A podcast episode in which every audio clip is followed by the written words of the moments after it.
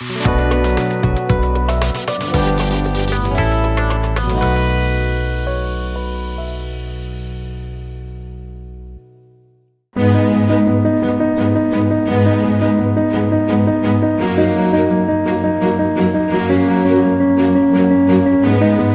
ဂလာပါရှင်မြန်မာပြည်သူပြည်သားအပေါင်းစိတ်ရချမ်းသာခြင်းကိုယ်ရည်ချမ်းသာခြင်းနဲ့ပြည့်စုံကြပါစေလို့ PPTV ဖွဲ့သားတွေကဆုတောင်းမေတ္တာပို့သပါတယ် ယခုတစ်ပတ်အတွင်းဖြစ်ပေါ်ခဲ့တဲ့သတင်းတွေနဲ့ပတ်သက်ပြီးသတင်းအချင်းချုပ်ကိုကျမစင်စင်ကတင်ဆက်ပေးသွားမှာဖြစ်ပါတယ်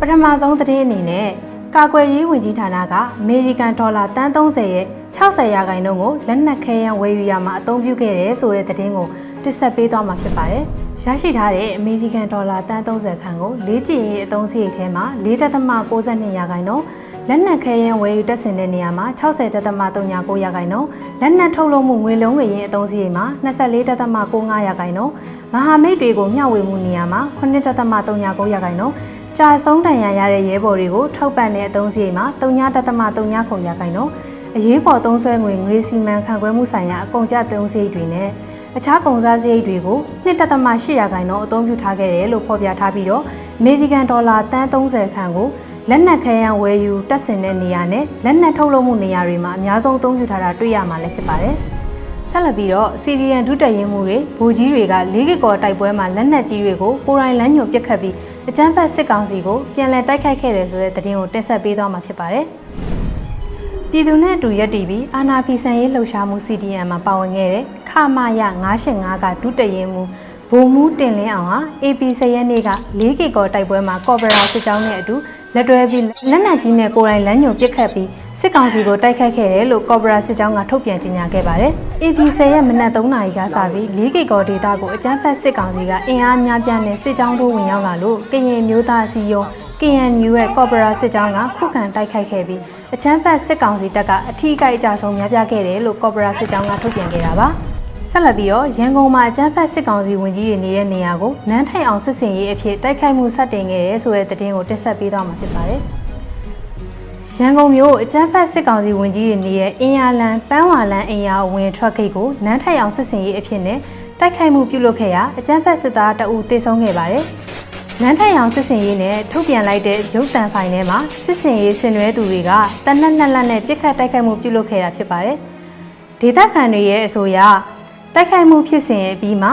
ကျန်းဖက်စစ်သားတအူတေဆုံးပြီးဒဏ်ရာရသူတွေလည်းရှိတယ်လို့ပြောပါတယ်။ရန်ကုန်တိုင်းစစ်ဒေသကုကဲရေးအဖွဲ့ကတော့ပြန်လွှမ်းအောင်စစ်စင်ရေးကိုအဆုံးသတ်ပြီးနန်းထိုင်အောင်စစ်စင်ရေးကိုစတင်တော့မှာဖြစ်တယ်လို့လည်းတရားဝင်ထုတ်ပြန်ထားတာတွေ့ရပါတယ်။ ဆက်လက်ပြီးတော့ Dragonfly Project ကစုပေါင်းအမေရိကန်ဒေါ်လာ1.2မီလီယံကောက်ခံရရှိရဲဆိုတဲ့သတင်းကိုတင်ဆက်ပေးသွားမှာဖြစ်ပါတယ်။ Dragonfly Project အတွက်စရက်အလူငွေကောက်ခံခဲ့ရအမေရိကန်ဒေါ်လာ1.2မီလီယံအထိကောက်ခံရရှိခဲ့တယ်လို့အစီအစဉ်ကိုလှုပ်ဆောင်နေသူတွေကသတင်းထုတ်ပြန်ပါတယ်။ Dragonfly Project အတွက်လှုပ်ဆောင်ရမှာနိုင်ငံအသီးသီးမှာရှိတဲ့ OFP အဖွဲ့နဲ့ Individual Fundraiser အဖွဲ့တွေနဲ့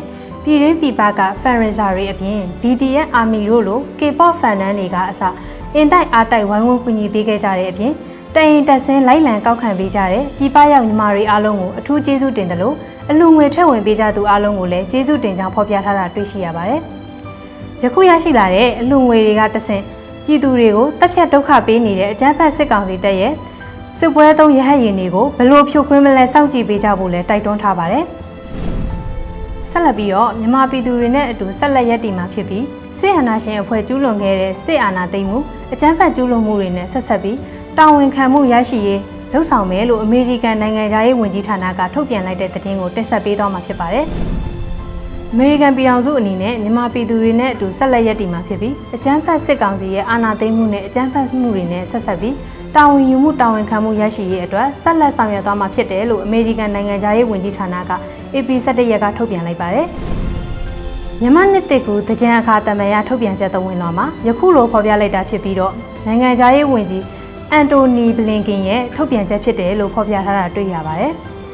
တကြံဆိုတာနှစ်ဟောင်းမှအစိုးညစ်တို့ကိုစေကြောတန့်စင်တဲ့အခါတမန်ရတစ်ခုဖြစ်တယ်လို့ဆိုရပြီးစစ်တပ်အာဏာသိမ်းပြီးချိန်မှစပြီးမြန်မာပြည်သူတွေကစဉ်းစားတွေးတောရန်ဖြစ်နိုင်လောက်တဲ့ဒုက္ခဒုက္ခတွေကိုရင်ဆိုင်အံ့တုခဲ့ကြရပြီးစစ်အာဏာရှင်အဖွဲ့အစည်းကိုစန့်ကျင်ရမှာထူးချွန်ပြောင်မြောက်တဲ့သူရတတိနဲ့ကြံ့ကြံ့ခံနိုင်စွမ်းတို့ကိုပြသခဲ့တယ်လို့ဆိုရပါတယ်။မြန်မာနိုင်ငံမှာအလုံးပါဝင်တဲ့ဒီမိုကရေစီစနစ်ပြန်လည်ဖော်ဆောင်ရန်နဲ့ ရေရှည်တည်တတ်မဲ့ငြိမ်းချမ်းရေးရရှိဖို့အတွက်အကူအညီပေးရမှာအမေရိကန်ပြည်ထောင်စုရဲ့တန်ဋိဌာန်မှာခိုင်ကြီးမြဲမြံလျက်ရှိရဲလို့ဖော်ပြထားပါတယ်။ဆက်လက်ပြီးတော့ပဲခူးတိုင်းပြည်သူ့ကာကွယ်ရေးတပ်ဖွဲ့တွေကအကြမ်းဖက်စစ်ကောင်စီရဲ့စစ်ဆေးရေးဂိတ်နဲ့ရင်နှန်းကိုတိုက်ခိုက်တယ်ဆိုတဲ့သတင်းကိုတင်ဆက်ပေးသွားမှာပါ။ပဲခူးတိုင်းပဲခူးခရိုင်ပြည်သူ့ကာကွယ်ရေးတပ်တရင်1တပ်ခွဲ2ကဝ KPDF နဲ့ PDF ကရန်တို့ပူးပေါင်းပြီးခရမ်းမျိုးနဲ့ကဝမျိုးနယ်ကြားဇွဲတွန်စစ်ဆေးရေးဂိတ်ကိုဝင်ရောက်တိုက်ခိုက်ခဲ့ပါတယ်။ မိနစ်40ခန့်အပြန်အလှန်ပစ်ခတ်မှုများဖြစ်ပွားခဲ့ပြီးအကြမ်းဖက်စစ်ကောင်စီတပ်ဖွဲ့ဝင်10ဦးသေဆုံးခဲ့ရာထိခိုက်ဒဏ်ရာရရှိခဲ့သူရှိခဲ့တယ်လို့လည်းဆိုပါတယ်။ပြည်သူ့ကာကွယ်ရေးတပ်ဖွဲ့မှထိခိုက်မှုတစုံတရာမရှိခဲ့ဘူးလည်းဆိုပါတယ်။ပဲခူးခရိုင် PDF တရင်1တက်ခွဲ1ကလည်းညောင်လေးပင်မြို့နယ်ဂျိုးချကွင်းနဲ့လက်ပံဘူးကြားမှာကင်းပတ်နေတဲ့အကြမ်းဖက်စကားဆရင်တန်းကိုလက်ပစ်ပုံးနဲ့တိုက်ခိုက်ခဲ့ရာအကြမ်းဖက်စစ်ကောင်စီကအဖွဲ့ဝင်အချို့ထိခိုက်ဒဏ်ရာရရှိခဲ့ပါတယ်။ ဒါအပြင် AP လ12ရက်နေ့ည9:00နာရီခွဲခန့်အချိန်မှာပြည်ခရိုင်တရင်1တက်ခွဲ2ကပေါင်းတယ်မြို့ဘွဲပင်ကန်ရက်ွက်ဒလန်မြင့်စန်းအိမ်ချံဝင်းနဲ့ဘဂိုမန်းနဲ့အလင်းတတိပေးတဲ့အနေနဲ့ဘုံခွဲတိုက်ခိုက်ခဲ့ပါတယ်။ဆက်လက်ပြီးတော့ဖပွန်ခရိုင်မှာအကြမ်းဖက်စစ်တပ်ကရွာထဲကိုလက်နက်ကြီးနဲ့တမင်ပစ်ခတ်လို့ကလေးနှုတ်ဝတ်ပါဝင်ပြည်သူလေးဦးဒဏ်ရာရရှိခဲ့တဲ့တဲ့တင်ကိုတင်ဆက်ပေးသွားမှာပါ။ ကရင်မျိုးသားအစည်းအရုံး KNU ဖပွန်ခရိုင်မှာအကြမ်းဖက်စစ်ကောင်စီတပ်ကလက်နက်ကြီးနဲ့ကြေးရွာတဲ့သူရည်ရွယ်ချက်ရှိရှိပစ်ခတ်ခဲ့လို့ကလေးနှစ်ဦးနဲ့တက်ကြီးရွယ်ဦးတဦးအပါအဝင်ပြည်သူလေးဦးဒဏ်ရာရရှိခဲ့တယ်လို့ KNU မူဒရသတင်းစင်က AP 73ရက်မှာထုတ်ပြန်ပါတယ်။ဖပွန်ခရိုင်မက်ထရောယာအခြေဆိုင်အမှတ်၈စစ်စင်ရေးကိုကဲမှုငါးနာချုပ်စကခ၈လက်အောက်ခံတပ်က AP 73ရက်နနက်ပိုင်းမှာထိုခဲလိုကြီးရွာအတွင်းကိုလက်နက်ကြီးနဲ့တမင်ရည်ရွယ်ပစ်ခတ်ခဲ့တာလို့ဖော်ပြထားပါတယ်။ ဒီလိုပစ်ခတ်ခဲ့လို့အသက်17နှစ်အရွယ်နဲ့အသက်12နှစ်အရွယ်ကလေး2ဦးအသက်62နှစ်ရှိတဲ့တက်ကြီးရွယ်ဦးတဦးနဲ့အသက်33နှစ်အရွယ်အမျိုးသားတဦးတို့ဒဏ်ရာပြင်းထန်စွာရရှိခဲ့ပါတယ်လို့ဆိုပါတယ်။အချမ်းဖက်စစ်တပ်ဟာမွန်းလွဲ3နာရီလောက်မှလဲနိုဖောထီရွာနဲ့ထိုခဲလိုရွာတွေကိုလက်နက်ကြီးနဲ့ထပ်မံပစ်ခတ်ခဲ့တာမှာပြည်သူလူထုတေဆုံးမှုမရှိတော့လဲနွား6កောင်တေဆုံးပြီး3កောင်ဒဏ်ရာရရှိခဲ့ပြီး